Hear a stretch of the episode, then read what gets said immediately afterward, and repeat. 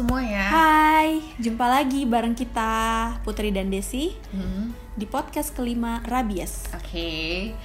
Jadi hari ini kita bakalan bahas mengenai toxic worker. Hmm.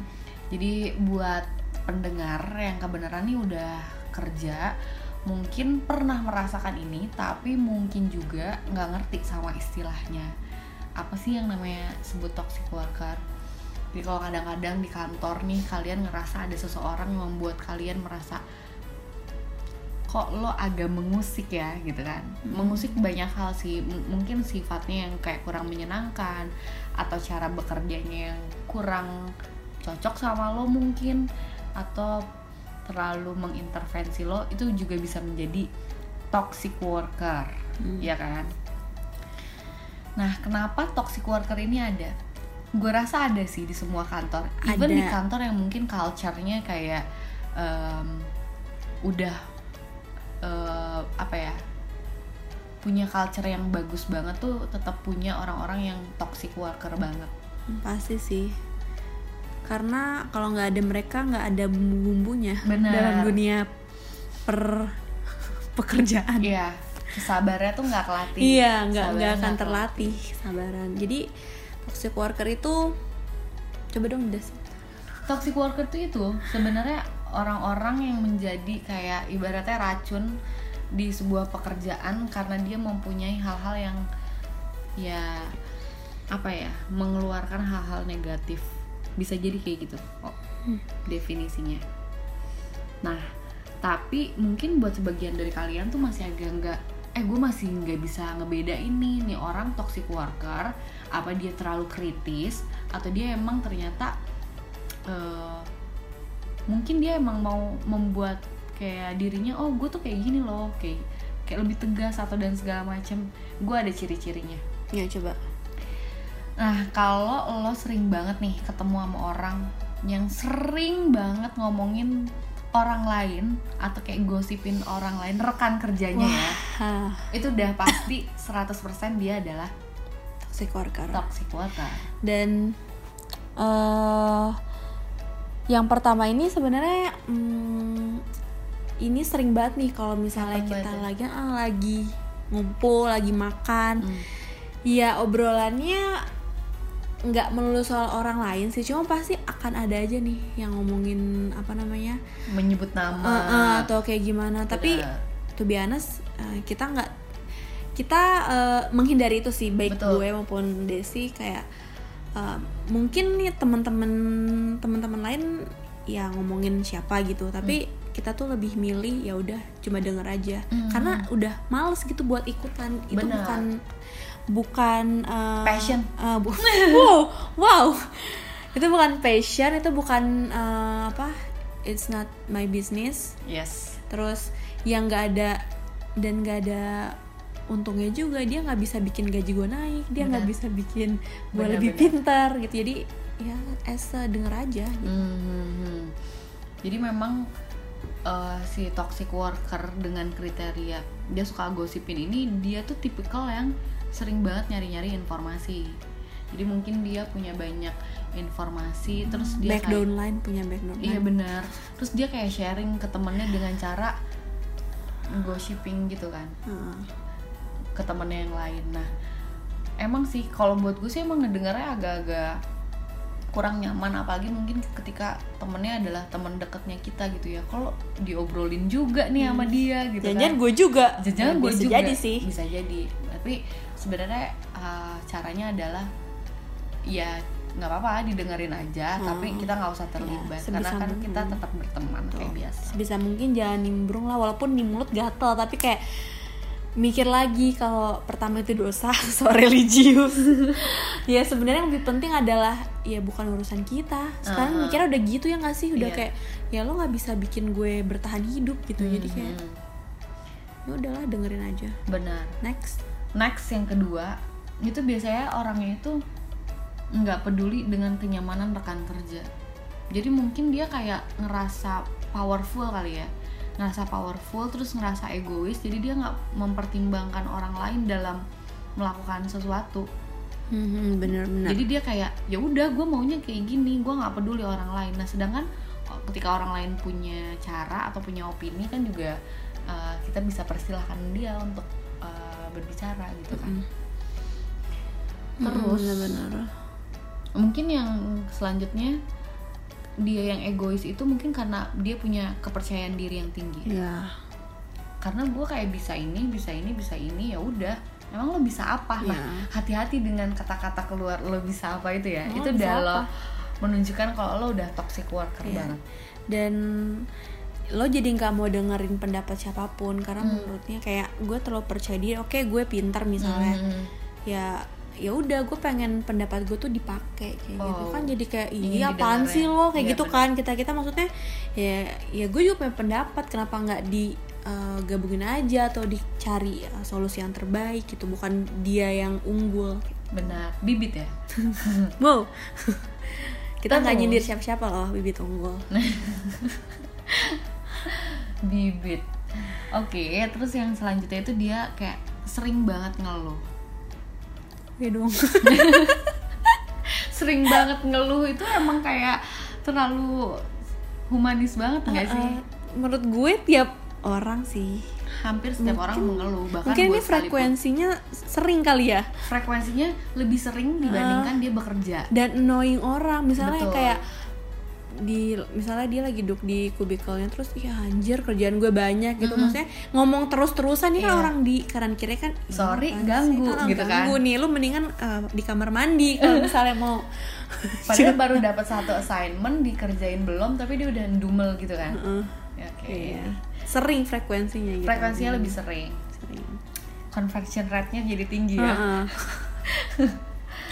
terus bisa jadi dia nganggap diri dia tuh eh, mematuhi peraturan kantor. Dan tapi anehnya kalau dia mematuhin peraturan kantor dia sering banget berkelit dan nggak ngerasa bersalah ketika dia melanggar hal itu. Hmm. ini kayaknya toxic banget gak sih? Ketika lo merasa benar terus ketika lo mengalami satu sal- kesalahan terus bilang enggak kalau gua mah nggak apa-apa Mhm. Eh, kayak ya lu kayak mento Mentolerir mentolerir diri lo sendiri. padahal kan itu padahal mungkin lo juga yang membuat iya iya itu gitu kan ngeselin toxic sih banget. ngeselin jadi kayak ngeselin orang lain sih Mm-mm. padahal kan aturan eh, dibuat untuk dilanggar tapi lo oleh yang bersangkutan tapi lo melanggarnya sendiri Iya. nggak ngajak-ngajak gitu Iya. sih nah tapi kan itu membuat orang kayak ngerasanya ih kok lo kayak gitu sih gitu kan. Mm-mm. lo yang buat lo yang langgar. Ya udah sih lo yang buat lo yang kayak langgar. kan. kayak lagu dangdut apa deh? Ini yang Hmm. terakhir nih. Yang terakhir. Gimana tuh yang terakhir? Yang terakhir bisa kita nyontek dulu ya guys. Oke, yang terakhir itu sebenarnya orangnya produktif. Tapi kerjaannya itu malah jadi jauh dari standar. Jadi entahlah berarti yang dia produktifin itu apa ya Heeh. atau mungkin dia eh, ya dia produktif tapi ngerjain sesuatu yang nggak sesuai Uh, guide-nya. atau dia nggak ngerti jadi kayak ya udah gue kerjain tapi eh ternyata nggak sesuai sama apa yang di Hmm, apa apa yang disuruh apa apa guideline-nya kayak gitu hmm. terus toksiknya di mana tuh Toksiknya adalah dia nggak produktif loh. Maksudnya dia kayak lo waste time. Sebenarnya jadi kayak lo kan harusnya bisa nih ngerjain ini sesuai dengan uh, KPI-nya lah atau standarnya gitu kan. Tapi lo malah nggak ngerjain itu sesuai standarnya gitu kan. Produktif sih. Mungkin tapi produktif lo adalah ya redundant jadinya. Iya redundant. Let's say lo harusnya ngerjain report gitu kan. Tapi lo cuma ngerjain eh, apa ya narik-narik data doang produktif Nggak- sih iya waktu lo sih, narik-narik data tapi nggak kan kayak lo jelasin Iya, nggak lo analisis gitu juga. tapi eh, kalau ini kan eh, kita apa namanya kita sharing berdasarkan ciri-ciri itu Hmm. tapi misalnya lo ngelihat nggak sih misalnya di kantor lo atau kantor yang dulu sebelum sebelumnya tuh ada nggak sih hal yang bikin lo apa lo ngamatin tem- temen kerja lo dan itu kayak toxic? Hmm, sebenarnya pasti ada ya toxic worker itu. Cuman kalau gue pribadi biasanya ya udah gue diem aja. Kayak malas tuh nimbrung ya Iya gue males. Males. Jadi gue berpikir mungkin dia akan lelah dengan sendirinya ya. Mhm. kayak gitu. Terus juga ya intinya gue males sih untuk menanggapi. Kalaupun nggak sih kayaknya gue males aja intinya. Gue udah mager duluan sebenarnya nah tapi kita juga harus mentoleri uh, orang si toxic worker itu. Karena mungkin secara humanis dia juga punya alasan kenapa dia melakukan hal itu. Bisa jadi mungkin background pekerjaan yang sebelumnya tuh mendorong dia untuk menjadi seseorang yang seperti itu.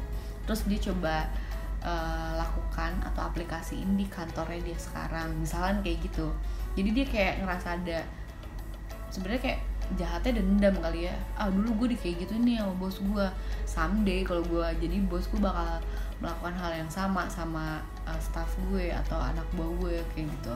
Ya berarti kayak based on pengalaman. Based on pengalaman. Jadi sebenarnya kita juga nggak bisa ngejudge dia kayak lo tuh kayak gini banget. Nah mungkin dia juga punya experience yang membentuk diri dia jadi kayak gitu.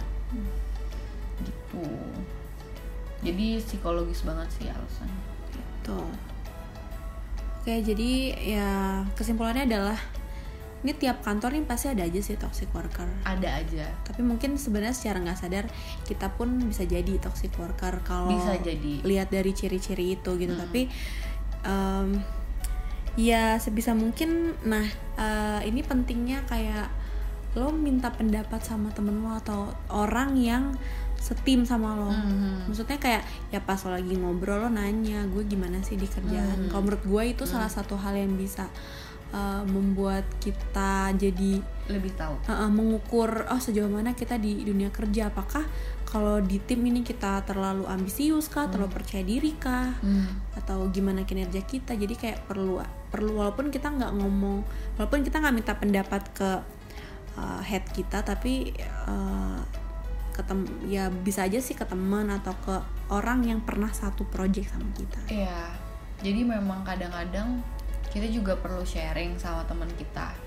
Terlebih uh, dia juga satu tim sama kita kan, supaya uh, bisa saling introspeksi dan bisa lebih tahu apa sih yang sebenarnya nggak produktif dari diri kita dan taunya ternyata menjadi toxic buat partner kita atau teman kita di tim kita kayak gitu.